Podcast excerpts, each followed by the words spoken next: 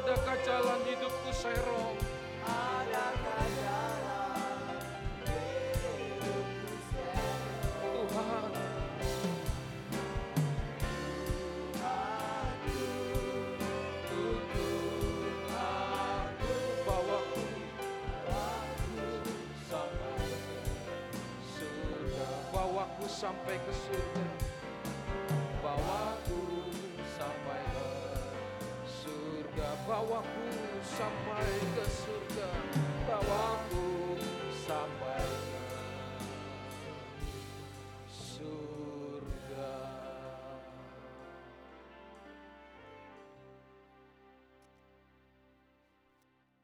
Pagi hari ini kami datang di hadirat Bapa. Kami tahu Bapa hadir di tempat ini. Dan kami rindu Bapa sampaikan isi hati Bapa buat kami anak-anak Bapa di tempat ini. Bapa bicara melalui mulut dan bibir anakmu ini. Sehingga yang keluar hanya firmanmu. Yang bisa memberi makanan rohani dan mengenyangkan kehidupan rohani kami. Menjadi alat untuk kami pakai mengerjakan keselamatan kami dengan takut dan gentar. Terima kasih Bapa. Kami siap untuk dengar isi hati Bapa pada pagi hari ini. Dalam nama Tuhan Yesus. Amin. Amin. Silakan duduk Bapak Ibu Saudara sekalian.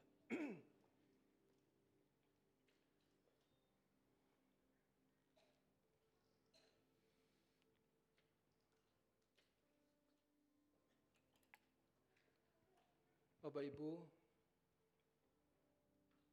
meyakini keberadaan Tuhan atau mempercayai bahwa Tuhan itu ada bukanlah sesuatu yang mudah, Bapak Ibu.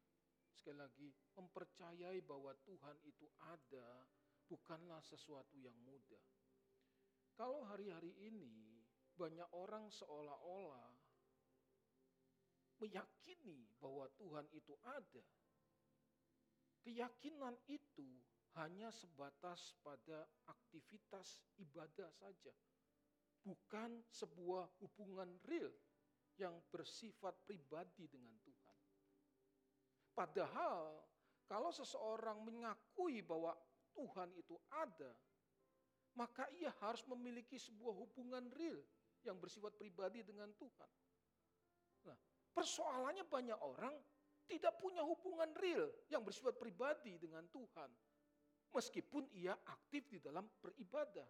Nah, biasanya orang-orang seperti ini pandai berbicara tentang Tuhan, tetapi tidak pernah berbicara kepada Tuhan atau tidak pernah memiliki interaksi yang bersifat nyata atau real dengan Tuhan. Karena jika seseorang memiliki interaksi yang real dengan Tuhan, maka dengan berjalannya waktu di dalam proses interaksi yang real tersebut, ia akan mengalami yang namanya impartasi karakter Tuhan. Impartasi karakter Tuhan.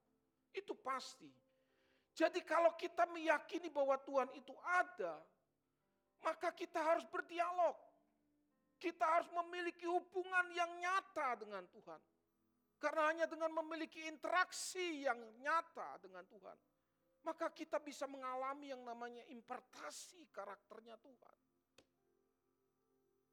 Kalau kita mengaku memiliki hubungan real dengan Tuhan, tetapi tidak mengalami impartasi karakter Tuhan yang semakin kuat, sehingga hidup kita dengan berjalan waktu makin berubah, maka pasti ada yang salah dalam hubungan yang kita bangun tersebut, saudaraku. Makanya kita bisa mengerti kalau orang-orang yang belum mengenal Tuhan atau orang-orang ateis, mereka tidak mau mempercayai Tuhan Yesus. Karena mereka akan cenderung berpikir, untuk apa aku mempercayai Tuhanmu? Kalau kualitas dan gaya hidupmu tidak mencerminkan kualitas dari Tuhan yang engkau percayai, saudaraku. Saudara mengerti sampai di sini? Makanya ketika saya membaca pernyataan Mahatma Gandhi, dia pernah menulis begini Bapak Ibu. Sesungguhnya saya tidak menolak Kristus. Saya suka dengan Kristus Anda. Tetapi saya tidak suka dengan orang Kristen. Jika orang Kristen benar-benar hidup menurut ajaran Kristus, seperti yang ditemukan di dalam Alkitab, kata Mahatma Gandhi, maka seluruh India sudah menjadi Kristen. Jadi sangat sulit membuktikan Tuhan itu ada kalau hidup yang kita jalani tidak mencerminkan pribadi dari Tuhan yang kita percayai, saudara. Saudara mengerti sampai sini? Nah, kalau di dalam lingkungan agama Yahudi, Bapak Ibu, orang Yahudi mempercayai keberadaan Tuhan atau mempercayai bahwa Elohim Yahweh itu ada dengan cara menuruti hukum.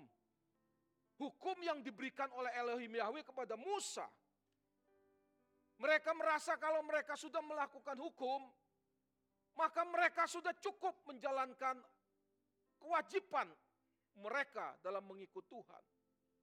Sudah cukup membuktikan bahwa mereka mempercayai bahwa Elohim Yahweh ada. Ini pun terjadi dengan agama-agama pada umumnya. Di mana banyak orang yang beragama mempercayai keberadaan Tuhan hanya dengan cara melakukan hukum. Saudara harus tahu, praktek keberagaman seperti ini syarat dengan kepentingan pribadi. Syarat dengan kepentingan pribadi. Artinya, hubungan yang dibangun dengan Tuhan itu tujuannya untuk mencari kepentingan sendiri. Padahal kalau kita mau membangun hubungan dengan Tuhan, seharusnya sudah tidak lagi untuk mencari kepentingan kita. Supaya kita bisa memperoleh sesuatu dari Tuhan. Tidak boleh. Karena kita membangun hubungan dengan Tuhan tujuannya cuma satu. Supaya kita bisa mengerti apa yang Tuhan inginkan dan kita melakukannya. Katakan amin. Itulah tujuan kita. Mengikut Tuhan. Jadi kalau agama untuk membangun hubungan dengan Tuhan harus melalui hukum. Harus melalui pemimpin agama. Dan tujuannya supaya bisa memperoleh sesuatu untuk dirinya waktu dia membangun hubungan dengan Tuhan. Hubungan seperti ini saya ulangi sekali lagi syarat dengan kepentingan pribadi. Sedangkan kalau Kristen Syarat dengan kepentingan pribadi maksud saya adalah baik umat maupun baik pemimpin, semua syarat dengan kepentingan pribadi, saudara. Syarat dengan kepentingan pribadi. Saya harap saudara memperhatikan terus apa yang saya katakan, saudara. Nah, Bapak Ibu Saudara sekalian, sedangkan Kristen,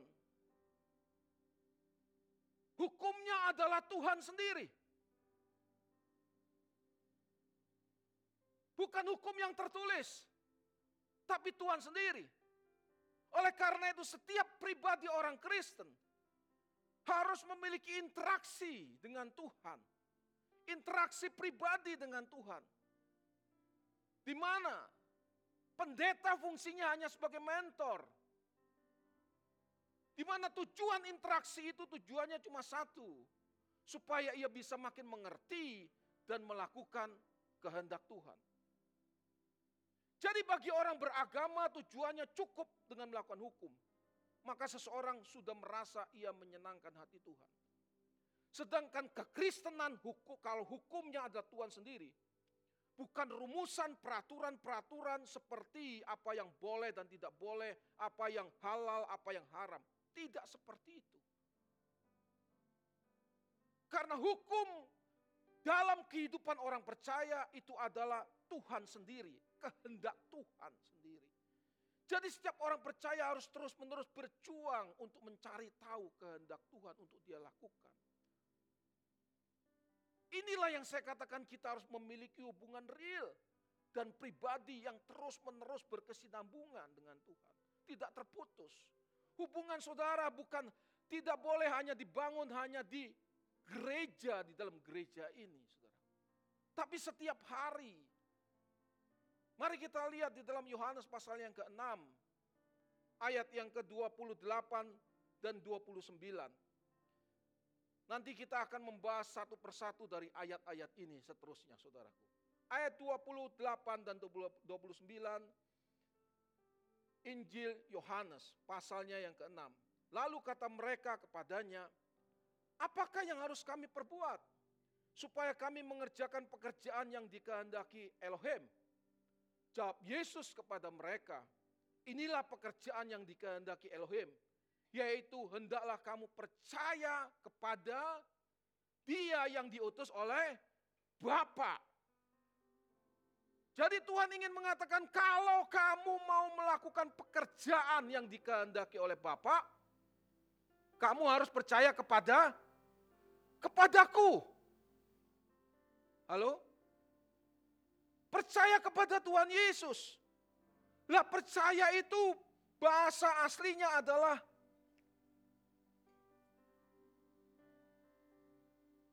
ergon. Yang artinya bertindak. Ergon bertindak, saudaraku. Itu percaya. Jadi percaya itu bukan hanya di pikiran dan nalar. Bertindak. Percaya kepada Tuhan Yesus bertindak. Nah pertanyaannya begini. Bertindak yang bagaimana? Halo? Bertindak yang bagaimana? Kalau Tuhan berkata, percaya kepadaku, percaya kepada dia yang diutus oleh Bapa, artinya kita harus bertindak percaya kepada bertindak percaya kepada Tuhan Yesus. Lah bentuk tindakan kita percaya kepada Tuhan Yesus dengan cara apa Bapak Ibu? Mengikuti jejaknya. Kenapa? Karena sepanjang hidupnya Tuhan Yesus melakukan kehendak Bapa dan menyelesaikan pekerjaan yang harus dia selesaikan. Nah kalau kita mengikuti jejak hidup Tuhan Yesus, maka kita pun bisa dengan berjalan waktu melakukan pekerjaan yang dikehendaki oleh Bapa seperti yang dilakukan oleh Tuhan Yesus. Sebenarnya inilah esensi, inilah inti dari kekristenan, yaitu meneladani gaya hidup Tuhan Yesus.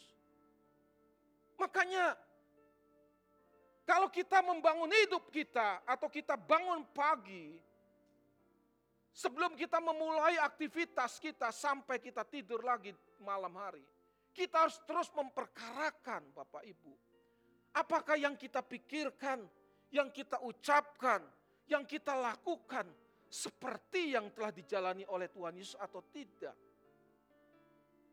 Itu yang harus kita terus penuh perkarakan. Makanya kita mau berinteraksi terus menerus. Dengan cara apa Bapak Ibu? Mengisi pikiran kita dengan kebenaran firman Tuhan. Yang bisa makin membuat kita melakukan kehendak Bapak. Halo? Membaca buku-buku bacaan, renungan-renungan harian. Yang bisa mengarahkan kita untuk hidup dalam ketaatan saudara. Mendengar khotbah-khotbah yang membangkitkan iman kita untuk hidup lebih sungguh-sungguh dengan Tuhan. Memberi waktu untuk duduk di bawah kaki Tuhan. Minimum 30 menit satu hari. Untuk kita mau berinteraksi secara real dengan Tuhan. Dan terus menerus memperhatikan setiap peristiwa yang kita alami. Baik itu peristiwa-peristiwa kecil sekalipun. Karena di dalam peristiwa-peristiwa itulah sering kali Tuhan berbicara dan mengajar kepada kita. Kalau kita lihat Abraham adalah pribadi yang percaya secara mutlak kepada Elohim Yahweh. Padahal tidak pernah ada teladan yang bisa dia teladani bagaimana cara mempercayai Elohim Yahweh sebelumnya. Dan dia dibesarkan dari lingkungan dan keluarga kafir penyembahan berhala. Ini luar biasa kalau kita bicara pribadi ini. Ia buktikan percayanya dengan tindakan. Dia bukan ketika Elohim Yahweh ngomong, kamu keluar dari negerimu ke negeri yang akan aku tunjukkan. Dia tidak ngomong, ya oke aku percaya. Tidak. Dia benar harus keluar melangkahkan kaki keluar dari negerinya. Itu tidak mudah saudaraku bertindak percaya seperti itu. Bukan cuma sekedar nalar dan pikiran. Bahkan ketika Elohim Yahweh meminta anaknya yang tunggal. Yang dijanjikan sendiri oleh Elohim Yahweh. Yang sudah ia nantikan selama seperempat abad. Diminta untuk dijadikan korban persembahan. Maka ia pun mempersembahkannya. Bapak ibu saudara sekalian. Pasti kehidupan seperti ini tidak mungkin bisa dimengerti oleh orang sejamannya. Tapi karena Abraham memiliki interaksi yang real dengan Tuhan yang hidup, maka ia percaya apa pun yang terjadi. Tuhan tetap berdaulat. Ia percaya bukan supaya Tuhan bisa melepaskan dia dari masalah-masalah, tekanan hidup. Tapi ia percaya Tuhan berdaulat penuh atas hidupnya. Apa pun yang terjadi. Inilah yang dimaksud oleh Tuhan Yesus. Percaya. Inilah yang dimaksud oleh Tuhan Yesus dalam Yohanes pasal yang ke-6 ayat yang ke-29. Inilah pekerjaan yang dikehendaki Elohim. Yaitu hendaklah kamu percaya kepada dia yang telah dikutus oleh Bapa. Ini maksud Tuhan percaya.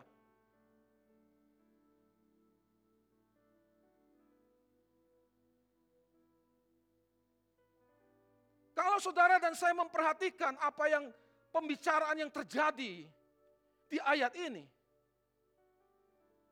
Sebenarnya pembicaraan ini terjadi setelah Tuhan Yesus membuat lima ketur roti dan dua ekor ikan untuk bisa dimakan oleh lima ribu orang laki-laki dan tidak termasuk anak-anak dan wanita. Saudara. Jadi pembicaraan ini terjadi karena peristiwa mujizat lima ketur roti dan dua ekor ikan. Di mana setelah banyak orang itu mengalami mujizat-mujizat yang Tuhan kerjakan.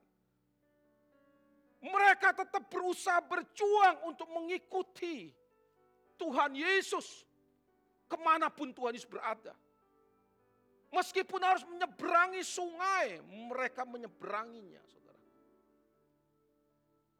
Maka ayat ke-25 dikatakan demikian, kita mundur. Ketika orang banyak menemukan Yesus di seberang laut itu, mereka berkata kepadanya, Rabi, bila mana engkau tiba di sini? Mari kita lihat bersama.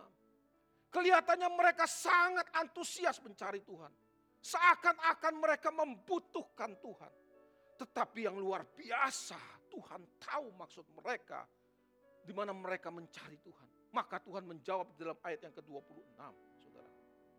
Aku berkata kepadamu, sesungguhnya kamu mencari aku bukan karena kamu telah melihat tanda. Melainkan karena kamu telah makan roti itu dan kamu kenyang, menjadi kenyang. Di sini Tuhan ingin mengatakan, dengar baik-baik. Kamu mencari aku karena roti yang telah kamu makan. Bukan melihat tanda yang aku sudah kerjakan. Yaitu menjadikan roti dan ikan bisa dimakan oleh 5.000 orang lebih. Itu adalah tanda mujizat yang Tuhan lakukan itu adalah tanda. Jadi begini saya ulangi, kamu mencari aku karena kamu sudah makan roti. Bukan melihat tanda yang aku kerjakan. Sesungguhnya tanda yang aku kerjakan atau mujizat-mujizat yang aku lakukan itu adalah tanda atau petunjuk arah yang harus kamu perhatikan. Kamu akan aku bawa ke mana? Aku akan bawa kamu ke mana? Bukan berhenti di petunjuk tanda. Karena itu belum terminal akhirnya. Halo? Kalau kita berpergian ke sebuah tempat, ada tanda belok kanan, kita harus belok kanan supaya kita sampai ke tujuan. Amin. Kita tidak boleh berhenti. Bapak Ibu sampai sini mengerti enggak? Hah? Kalau nggak ngerti saya pulang deh. Ya, nggak boleh berhenti. Harus jalan terus. Itu yang Tuhan mau. Tetapi kamu tidak berusaha mengerti tanda itu. Karena tujuan kamu mencari aku. Supaya aku bisa memenuhi keperluanmu. Itu maksud Tuhan dalam ayat 26. Lalu Tuhan Yesus melanjutkan perkataan itu di dalam ayat yang ke-27. Kalau saudara memerlukan perenungan lagi, saya harap saudara bisa uh, merekam dan meminta dan mendengar kembali, saudaraku. Ini dalam sekali. Ayat 27, Tuhan berkata demikian, bekerjalah bukan untuk makanan yang dapat binasa, melainkan untuk makanan yang bertahan sampai kepada kehidupan yang kekal, yang akan diberikan anak manusia kepadamu. Perhatikan Bapak Ibu, kamu bekerja supaya kamu bekerja supaya kamu bisa memberi makan fisik dan tubuhmu. Tetapi ketika kamu sudah selesai makan, kamu akan lapar lagi. Tapi kalau kamu makan roti yang aku berikan, yang diberikan anak manusia, artinya kalau kamu menyerap roti tubuhnya dan darahnya, darah itu menggambarkan gairah. Jadi kalau kita menyerap tubuh dan darah, makan tubuh dan darah artinya menyerap gairah yang ada di dalam gairah Tuhan Yesus, di mana gairah Tuhan Yesus itu menyatu dengan tubuh kita, dengan tubuhmu maksud Tuhan begitu, maka gairahku yang ada di dalam dirimu akan membawa kamu sampai kepada kehidupan yang kekal, katakan amin. Itu yang dimaksud oleh Tuhan. Itu yang dimaksud oleh Tuhan. Inilah yang membuat mereka bertanya di dalam ayat 28 yang saya tadi sampaikan. Pekerjaan apa yang harus Ami lakukan? Supaya kami memperoleh supaya kamu bisa kami bisa melakukan pekerjaan yang dikehendaki Allah, Elohim. Pekerjaan apa yang harus kami lakukan? Mereka bertanya dan Tuhan menjawab ayat 29. Inilah pekerjaan yang dikehendaki Elohim. Yaitu hendaklah kamu percaya kepada dia yang telah diutus. Percaya ergon. Bukan nalar, bukan hanya pikiran, tapi bertindak. Bertindak yang bagaimana? Kalau kita percaya kepada Tuhan, kita harus bertindak mengikuti teladan hidup Tuhan. Halo? Banyak orang hari ini percaya. Percaya Yesus Tuhan. Tapi tidak mau menjalani hidup yang sama seperti yang dijalani oleh Tuhan Yesus. Lah ketika Tuhan menawarkan, mereka ngerti saudaraku. Percaya kepadaku. Gitu kan. Mereka ngerti mereka mulai menawar saudara. Mereka bertanya begini, tanda apa yang kamu bisa berikan supaya kami bisa percaya kepadamu ayat 30. Nenek moyang kami makan roti yang diberikan Musa. Kamu bisa beri apa buat kami? Kalau aku kami percaya kepadamu, melebihi kami mempercayai Musa. Padahal Musa sudah bisa memberikan roti untuk kami makan. Apa yang kamu tawarkan supaya kami bisa percaya kepadamu? Jaminan apa yang kami bisa terima supaya kamu bisa kami bisa percaya kepadamu? Itu maksudnya, saudara. Jadi mereka mulai membandingkan Tuhan Yesus dengan Musa. Mereka percaya kepada Musa dan mengikuti hukum yang diberikan Musa. Karena mereka telah makan roti mana yang dari sorga jadi yang diharapkan, jaminan yang mereka harapkan ketika mengikuti Yesus paling tidak sama seperti yang diberikan Musa pada waktu kepada nenek moyang mereka. Maka mereka bilang berikan kepada kami roti itu. Mereka konotasinya selalu kepada lahiriah jasmani saudaraku. Halo? Roti fisik. Tapi Tuhan ngomong bukan roti fisik yang aku maksudkan. Bagaimana mungkin kamu makan tubuhku? Kamu bukan Sumanto. Iya kan? Yang makan daging orang mati, bukan. Maksud Tuhan adalah kamu harus menyerap gairahku. Supaya kamu bisa mengikuti teladanku. Kalau kamu tidak menyerap gairahku, kamu nggak mungkin bisa mengikuti teladanku. Mereka mengharapkan jaminan berkat jasmani. Tapi dengar baik, Tuhan Yesus menawarkan berkat rohani yang akan dibawa oleh mereka sampai pada kehidupan kekal. Halo? Mereka mengharapkan merdeka dari penjajahan Roma. kapan engkau membebaskan Israel? Tetapi Tuhan menyediakan kemerdekaan dari dosa. Jadi nggak nyambung Bapak Ibu. Nggak nyambung bertolak belakang. Ketika mereka berkata menantang Tuhan untuk meminta jaminan apa? Kalau Musa sudah berikan roti kepada kami, nenek moyang kami, kamu bisa beri jaminan apa? Yang luar biasa Tuhan jawab dalam ayat ke-32. Maka kata Yesus kepada mereka, aku berkata kepadamu, sesungguhnya bukan Musa yang memberikan roti dari sorga. Melainkan Bapakku yang memberikan kamu roti yang benar dari sorga. Perkataan Tuhan Yesus sesungguhnya bukan Musa yang memberi nenek moyangmu roti dari sorga. Tetapi Bapakkulah yang memberikannya. Maksudnya ini saudaraku, dengar baik. Dengar baik. Sudah saatnya kalau kamu berurusan dengan Bapak, bukan lagi untuk mencari berkat-berkatnya, tapi kamu berurusan dengan Bapakku, kamu berurusan dengan pribadinya. Karena kalau kamu berurusan dengan pribadinya, kamu akan dibuat makin mengenal dia dengan benar. Dan ketika engkau mengenal dia dengan benar, engkau akan dibawa sampai kepada tujuan akhir hidupmu. Yaitu bersama-sama di kemuliaan kekal bersama dengan Bapa surgawi. Berikan tepuk tangan yang meriah buat Tuhan. Itu tujuan akhir hidup kita. Kalau semua orang ditanya tujuan akhirmu mau ke mana? Semua pasti ngomong aku mau ke sorga. Ada yang mau ngomong hari ini aku mau ke neraka. Tolong angkat tangan. Halo? Semua mau ke sorga. Masalahnya bagaimana mau ke sorga? Aku jalan kebenaran dan hidup. Tidak mungkin orang sampai kepada Bapa tanpa melalui aku. Artinya, bukan melalui Yesus menerima Yesus sebagai Tuhan dan Juru Selamat. Pasti sampai, tidak. Mengikuti jejak hidupnya. Sampai kepada Bapa. Meskipun kita Kristen, kalau kita tidak mengikuti jejak hidupnya, kita tidak mungkin bisa sampai kepada Bapa di sorga, saudara.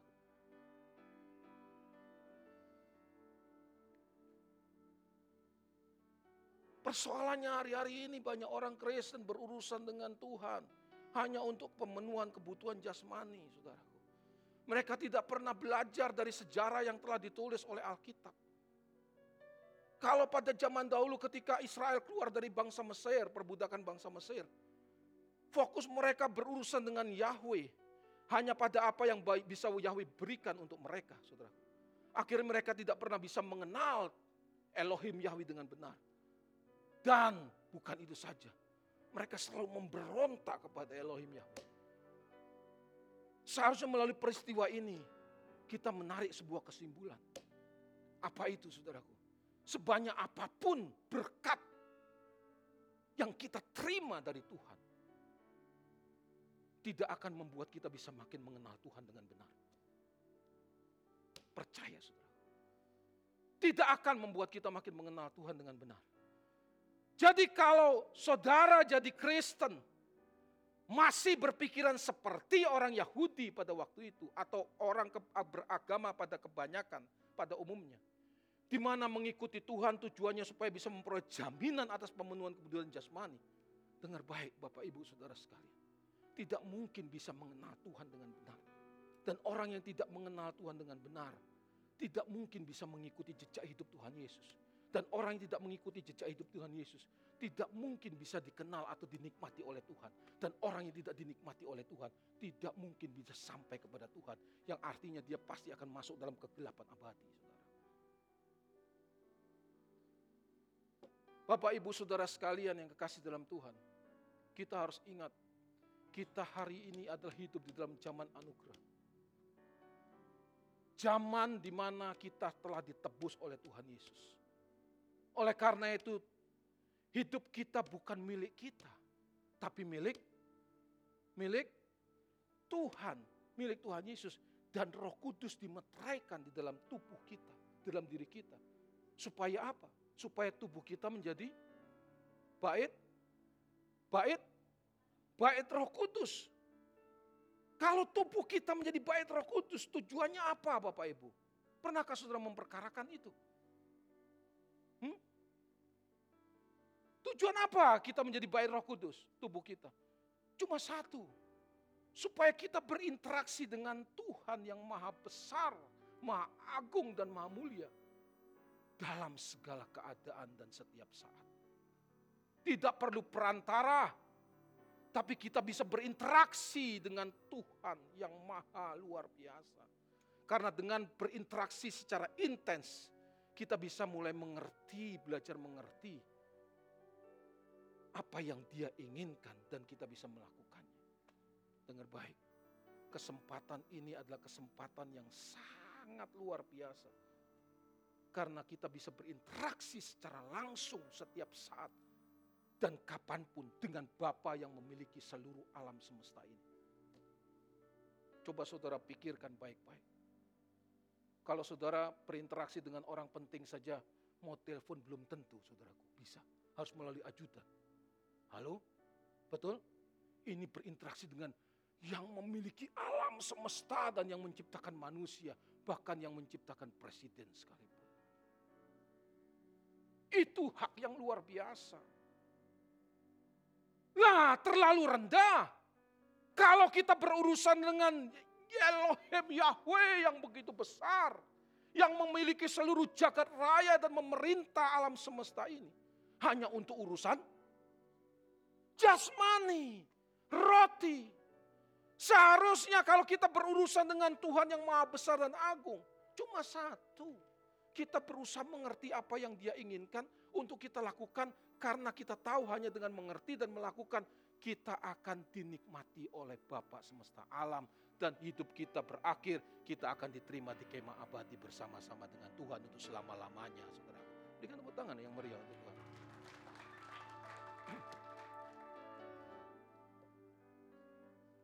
Jadi kalau gereja hanya bicara ikut Tuhan Yesus supaya bisa memperoleh roti, itu sesungguhnya ia sedang yang pertama melecehkan Tuhan yang maha besar. Saudara mengerti maksud saya? melecehkan Tuhan yang maha besar. Kalau saudara ketemu dengan orang besar, saya yakin saudara tidak mungkin punya banyak permintaan. Saudara bertemu aja bangga, cepret-cepret selfie. Yang pertama kan cepret-cepret selfie, seolah-olah paling banyak lah. Sekarang lagi ada uh, apa namanya aplikasi yang hilangin orang-orang di belakang, seolah-olah kan pribadi begini kan. Gitu kan? Uh, bangga ditaruh di di ini dipasang 10R gitu kan. Bangga saudaraku.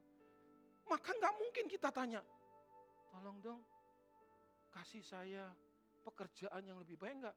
Kita akan bilang gini, seandainya aku bisa melayani engkau, Sekalipun aku tidak perlu dibayar, karena aku menjadi orang dekat, orang yang paling berpengaruh. Halo?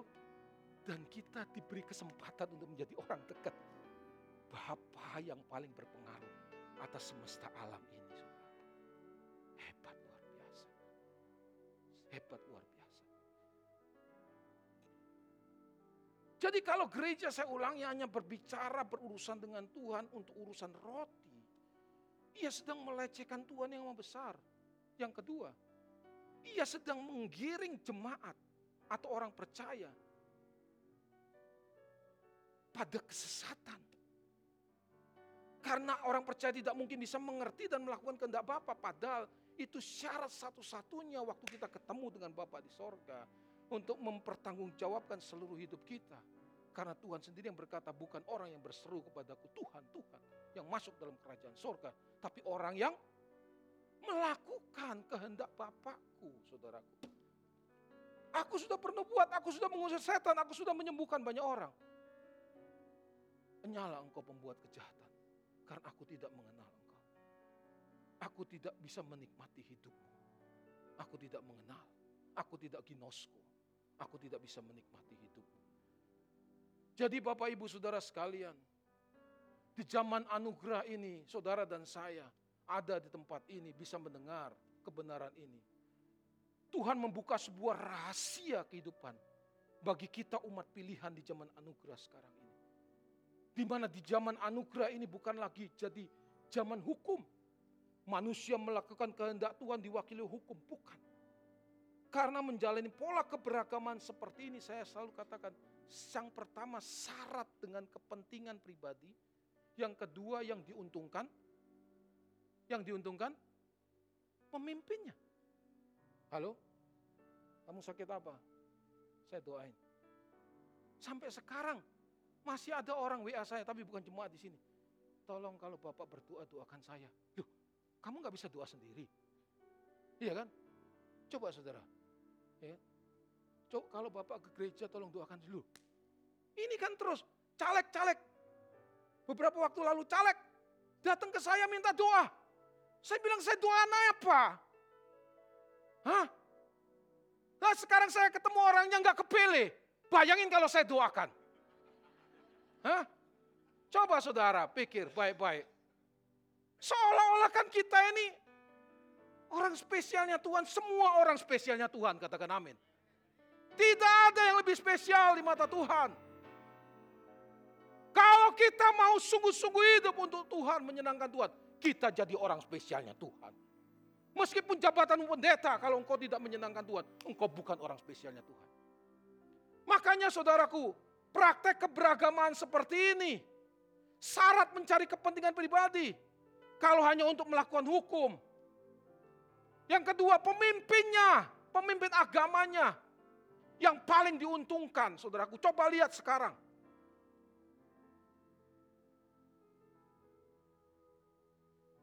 Tapi kalau kekristenan yang sungguh-sungguh hidup untuk Tuhan, tujuan mencari Tuhan cuma satu, supaya bisa mengerti dan melakukan kehendak Tuhan. Jika tujuan pelayanan diarahkan supaya setiap orang percaya bisa mengerti melakukan kehendak Tuhan. Dengar baik Bapak Ibu, dengar baik. Tidak ada celah untuk mencari kepentingan kepribadi. Baik untuk jemaat maupun untuk pemimpinnya. Saudara. Betul? Tidak ada celah. Bapak ibu saudara sekalian. Beberapa waktu belakangan ini. Saya baru mengerti. Saya baru mengerti kebenaran ini. Bulan-bulan belakangan ini. Tetapi meskipun saya baru tahu sekarang. Saya bersyukur kepada Tuhan. Karena sekian lama saya melayani, saya tidak pernah mencari kepentingan buat diri saya sendiri. Saya bersyukur saya bisa menemukan kepercayaan ini. Jadi saya bisa melihat dua sisi dengan kebenaran ini. Betapa agung dan mulianya kesempatan yang Tuhan berikan untuk kita bisa melayani pribadinya. Setiap kita melayani pribadi, bukan saya sebagai pelayan saja. Setiap saudara, agung dan mulianya. Yang kedua, di sisi yang lain hati saya hancur. Karena saya bisa melihat betapa banyak orang percaya tersesat. Tersesat. Karena diarahkan tidak melakukan kehendak Tuhan mencari kepentingan dan keuntungan bagi dirinya sendiri. Maka kalau saya bicara kebenaran seperti ini, seolah-olah dianggap menghakimi, seolah-olah apa yang benar, bukan saudaraku. Kerinduan hati saya cuma satu. Semakin banyak orang percaya kembali ke jalan benar dan hidup sungguh-sungguh berkenan di hadapan Tuhan. Karena pada akhirnya setiap kita harus mempertanggungjawabkan seluruh hidup yang sudah kita jalani di hadapan Tuhan. Bayangkan maka saya selalu katakan bahwa mereka untuk mendengar kebenaran-kebenaran seperti ini. Bukan supaya tempat ini penuh, bukan. Saudara saya selalu ulang-ulang berkata kepada saudara. Tanpa memiliki perjuangan yang sama dengan orang-orang yang kita kasihi. Tidak mungkin kita bisa berkumpul bersama-sama pada akhirnya nanti. Saya makin sadar itu. Maka saya ngotot saudaraku dengan Tuhan. Saya tidak bisa melindungi orang-orang yang saya kasih satu kali 24 jam. Tujuh hari dalam satu minggu. Tapi saya bisa melindungi mereka dengan cara hidup dalam kekudusan Tuhan. Dan Tuhan pasti melindungi mereka. Karena waktu kita hidup dengan kekudusan Tuhan, kita jadi orang spesial ya Tuhan. Amin. Kita jadi orang spesial ya Tuhan. Pasti Tuhan dengar doa kita, saudara. Ayat 33 sampai yang ke-35. Karena roti yang dari Tuhan ialah roti yang turun dari sorga dan memberi hidup kepada dunia. Maka kata mereka kepadanya, berikan kami roti itu senantiasa. Ini loh yang saya tadi katakan. Berikan kepada kami roti itu senantiasa. Kata Yesus kepadanya, akulah roti hidup. Barang siapa datang kepadaku, ia tidak akan lapar lagi. Barang siapa percaya kepadaku, ia tidak akan haus lagi. Dengar baik yang dimaksud oleh Tuhan roti yang turun dari sorga. Saya ulangi sekali lagi, itu dirinya sendiri. bukan yang lain seperti yang dimaksudkan oleh orang Yahudi pada waktu itu, roti secara jasmani, bukan saudaraku.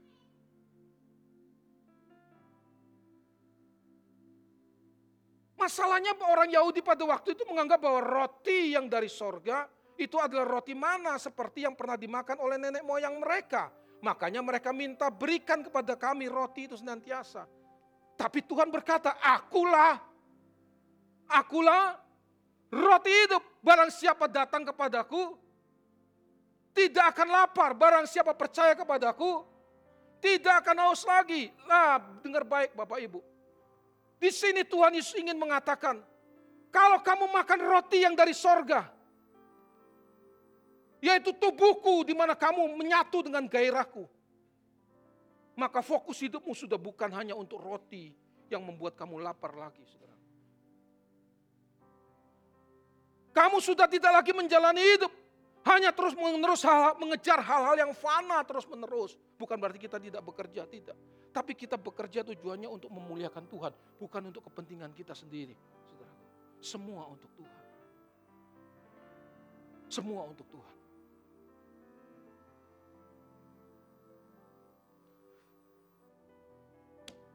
Jadi kalau kita bekerja tujuannya bukan untuk mencari kesenangan kita. Bukan. Tapi supaya Tuhan dimuliakan melalui apa pun yang kita kerjakan. Jadi kita tidak fokus terus mencari yang fana, kurang, kurang, kurang, kurang, kurang. Sampai akhir hidup kita, kita tidak pernah mengerjakan, mempersiapkan hidup kekal yang Tuhan sediakan buat kita. Saudara. Jadi Bapak Ibu Saudara sekalian, sebentar lagi kita akan mengadakan perjamuan kudus. Makan tubuh dan minum darah harus diartikan kita menyerap semangat dan gairah Tuhan Yesus. Supaya semangat dan gairah Tuhan menyatu dalam hidup kita. Jika kita menyerap gairahnya, maka fokus hidup kita sudah tidak lagi pada pemenuhan kebutuhan jasmani melulu. Tapi fokus kita mulai berubah. Di balik kita berusaha mencari kebutuhan jasmani, kita berjuang untuk melakukan apa yang Tuhan inginkan untuk kita lakukan. Itu bedanya orang-orang yang mengerti kebenaran, saudaraku. Jika kita berkomitmen memiliki gaya hidup seperti ini, maka dengar baik Bapak Ibu, kita akan dibawa pada sebuah suasana atau keadaan yang pasti menantang kita untuk melakukan kehendak Tuhan. Halo? Betul? Kalau saudara saya berkomitmen Tuhan, aku ingin sabar akan dibentuk dengan keadaan supaya kita sabar. Hah?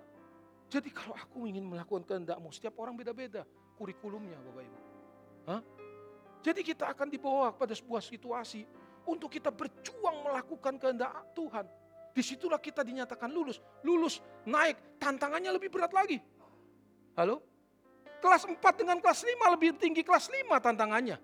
SD dengan SMP lebih tinggi SMP tantangannya. Tapi setelah SMP harus ada SMA. Tantangannya lebih tinggi dari SMP. Terus hidup orang percaya itulah yang terjadi. Supaya apa? Supaya kita makin dimurnikan dan pada akhirnya kita sempurna di hadapan Bapa di surga. Kedapatan tidak bercacat dan tidak bercela di hadapan Tuhan. Jadi kita akan dibawa sebuah keadaan untuk mempraktekkan melakukan kehendak Bapa.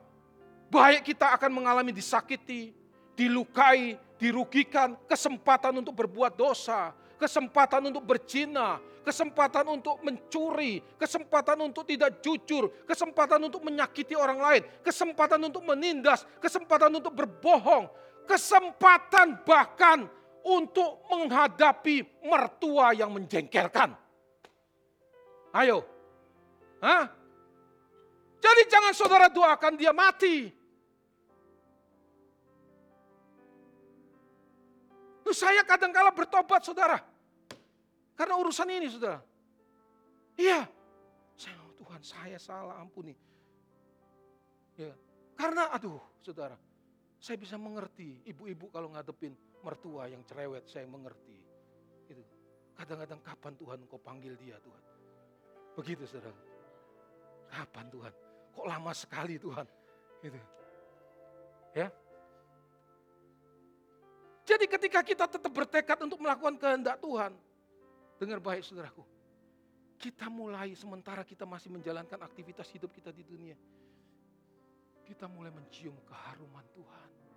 Halo? Harumnya Tuhan. Makin sering kita mencium keharuman Tuhan. Makin sering kita ingin dekat dengan Tuhan. Halo? Betul? Ya?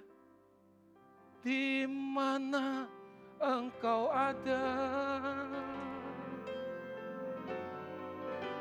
Aku rindu berada. Engkau kesukaanku, batu karang perhentian tak akan tergantikan. Mungkin saudara nggak mengerti mencium keharuman Tuhan itu gimana sih? Begini loh, kalau saudara punya sepeda motor baru atau inginkan sepeda motor baru, gitu kan? Saudara ingin beli sepeda motor baru atau mobil baru. Saudara sudah mencium keharuman mobil baru itu jauh-jauh hari sebelum mobil itu ada, saudara. Aduh, enaknya mobil itu, gitu kan? Kalau saudara mau pergi jauh, libur jauh, satu minggu sebelum saudara pergi, sudah packing-packing saudaraku. Betul? Sudah cium keharuman tempat di mana kita akan pergi saudaraku. Kalau kita lagi jatuh cinta, ya ampun. Sudah cium keharuman orang yang kita cintai meskipun dia bau ikan asin. Iya kan? Atau bau jengkol. Gitu saudaraku. Nah demikian juga kita dengan Tuhan, saudaraku. Sebelum kita bertemu muka dengan muka nanti dengan Tuhan, kita sudah bisa mencium keharuman Tuhan. Inilah yang membuat kita makin terus teguh mengerjakan keselamatan kita dengan gentar, dengan takut dan gentar. Inilah yang membuat kita tidak makin melekat dengan dunia. Karena kita sudah mulai merasakan dan mencium. Tuhan jauh lebih indah dari apa yang dunia bisa berikan. Saya nggak bisa memberikan kata-kata yang lebih kepada saudara. Tapi orang yang sedang berjuang yang mengerti arti ini saudaraku. Makanya Tuhan ngomong begini, kalau kamu makan roti ini, kamu akan lapar lagi sampai fisikmu mati. Tapi kalau engkau melakukan kehendak Bapakku, kamu memiliki gairahku dan ingin melakukan kehendak Bapakku, makin lama engkau makin mencium keharuan. Itu yang akan menggiring hidupmu. Menggiring hidupmu. Sampai engkau sampai kepada tujuan yang aku inginkan untuk engkau tuju. Yaitu kemuliaan kekal bersama dengan Bapak di sorga. Makanya kita bisa berkata saudaraku, Waktu kita mengerti seperti ini, bawa aku ke sana. Ajar aku setia mengerti semua maksud dan jalan. Tak ku ingini lagi indahnya dunia ini karena ku yakin yang kau sediakan sempurna. Ayat 51 Yohanes pasal yang ke-6. Tuhan berkata, akulah roti hidup yang turun dari sorga. Jikalau kamu makan dari roti ini, ia akan hidup selama-lamanya. Dan roti yang kuberikan ialah dagingku yang akan kuberikan untuk hidup di dunia, untuk hidup dunia.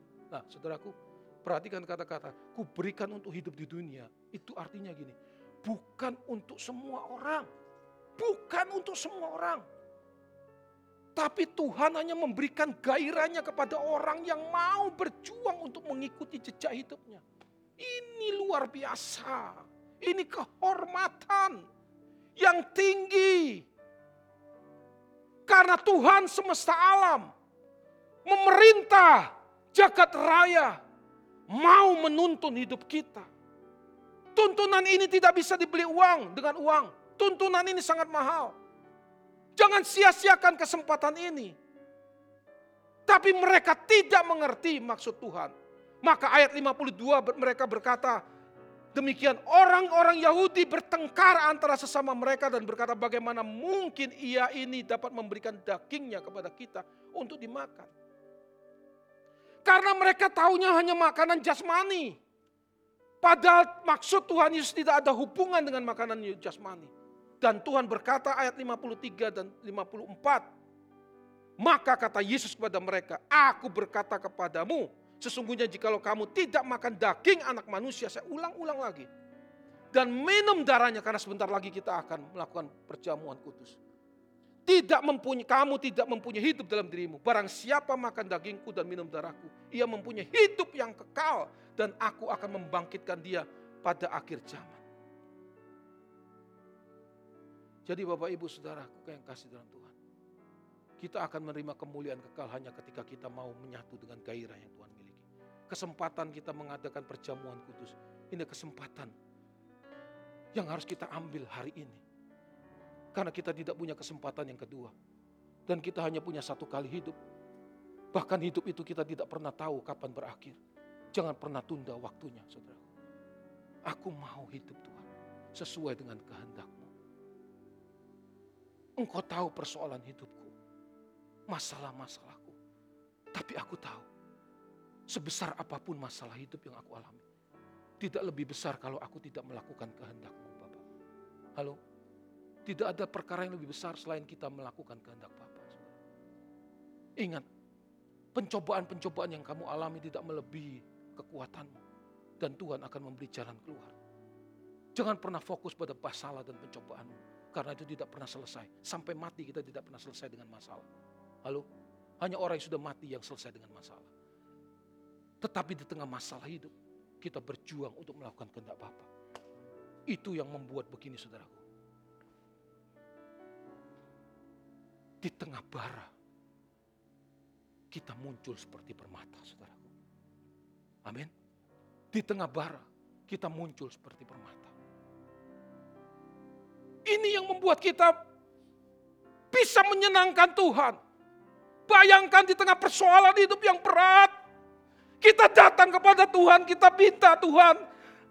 Masalahku gak usah engkau angkat. Tapi beri aku kekuatan untuk menyelesaikan apa yang kau inginkan aku selesaikan. Buat aku serius untuk menyenangkan kau di tengah-tengah masalah hidupku yang berat. Uh, waduh. Itu luar biasa. Itu luar biasa. Itu luar biasa, saudara. Gak ada yang lebih luar biasa dari itu. Itu yang menggentarkan sorga. Itu yang menggentarkan sorga. Wah saudara, kalau kita sudah sampai titik ini.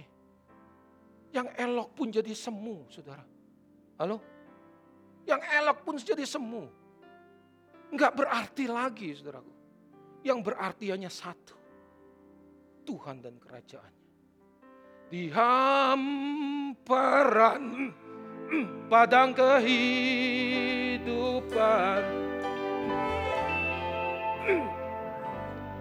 Nyumu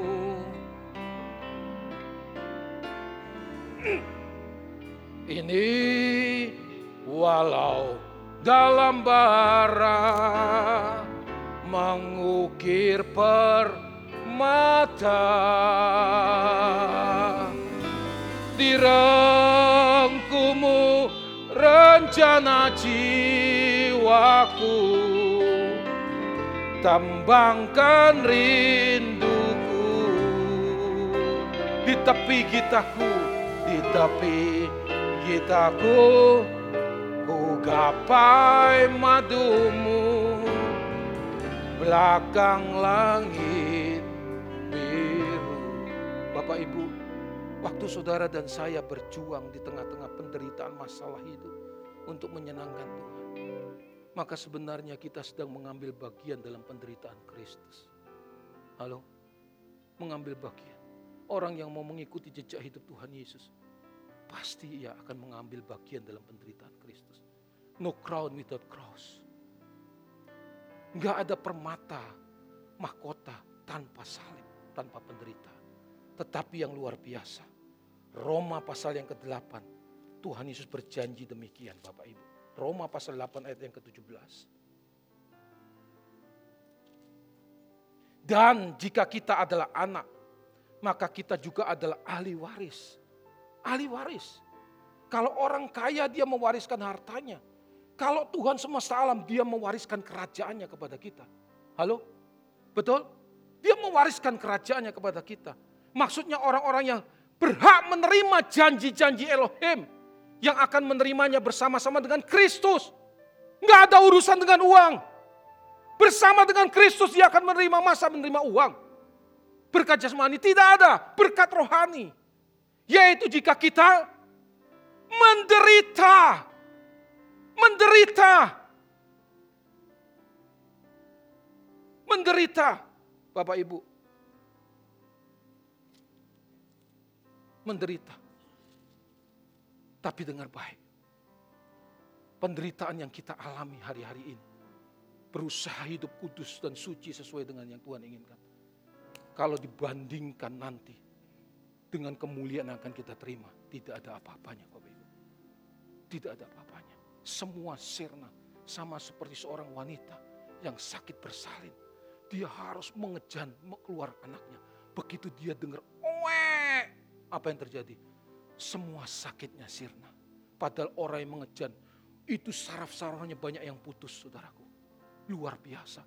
Tapi sirna demikian rupa. Itu yang akan saudara alami. Kalau saudara mengerjakan keselamatanmu dengan takut dan gentar. Sejak engkau ada di dunia ini. Saudara. Hari ini kita akan mengadakan perjamuan kudus. Di dalam 1 Korintus pasal yang ke-10 ayat yang ke-16 sering kali dikatakan demikian. Ini ayat yang terakhir. Bukan kacauan pengucapan syukur yang atasnya kita ucapkan syukur adalah persekutuan dengan darah Kristus. Kita katakan amin. Halo? Bukankah roti yang kita pecah-pecahkan adalah persekutuan dengan tubuh Kristus? Kita katakan amin. Tapi sayang sekali. Itu hanya sekedar formalitas di Turki yang kita lakukan. Karena kalau dikatakan persekutuan dengan tubuh dan darah, kita harus konsekuen bersekutu dengan gairah Tuhan, menyatu dengan gairah Tuhan. Tetapi banyak orang Kristen tidak mau, saudara. Karena itu berarti menderita, saudara. Itu harus berarti menderita. Kalau saya harus jujur berkata, secara manusia, sebelum saya terima kebenaran-kebenaran seperti ini. Saya mau akhiri hidup saya dengan senang. Sambil menantikan Tuhan menjemput saya, saya bisa nikmati hidup. Tapi sejak saya terima kebenaran, saya mulai mengerti. Bukan cara seperti itu yang Tuhan mau. Yang Tuhan mau, sementara kita masih hidup di dunia ini, cuma satu. Kita mengabdi kepada Tuhan dengan sungguh-sungguh. Supaya kita bisa dilayakkan menjadi hamba yang baik dan setia di hadapan Tuhan. Halo? Nah, bagaimana mungkin saudara bisa dianggap hamba yang baik dan setia? Kalau engkau tidak menunjukkan kesetiaan sementara engkau masih hidup di dunia ini. Saya pun ingin. Enggak kepingin seperti ini. Tapi sejak saya terima kebenaran, makin saya terima kebenaran, saya makin sadar. Enggak ada pilihan. Bukan cara hidup seperti kebanyakan orang. Saya harus bekerja lebih keras. Saya harus mengubah hidup saya lebih sungguh-sungguh. Supaya orang melihat hidupku dan orang memperoleh berkat melalui hidupku. Orang ikuti jejak hidupku. Sama seperti aku mengikuti jejak hidup Kristus, saudaraku. Aku harus serius bekerja. Aku harus serius berubah. Kalau saya mengatakan ini hidup saya disorot, saudara. Bagaimana mungkin? Saya tidak sungguh-sungguh, saudara. Dan saudara bisa mengukur perkataan ini palsu atau tidak. Kalau palsu hanya dengan permainan pikiran, tidak mungkin ada perkataan yang dalam yang menghujam roh saudara, saudara. Ya, ini saatnya kita mulai berhenti untuk berbuat dosa, belajar untuk berubah, saudara. Berhenti. Sebelum terlambat waktunya tiba, engkau tidak bisa mempertanggungjawabkan seluruh hidup yang kau jalani di hadapan Tuhan. Mungkin saudara mendengar kebenaran ini tampaknya aneh, tapi dengar baik akan tiba saatnya ketika engkau bertemu dengan Tuhan. Engkau bersyukur engkau pernah dengar kebenaran ini. Saudara. Engkau bersyukur pernah dengar kebenaran ini. Di hamparan padang kehidupan. Kurajut. Kura, para, mari para pelayan Tuhan. Perjamuan. Perjalanan ini dalam bara mengukir permata. Dirangkum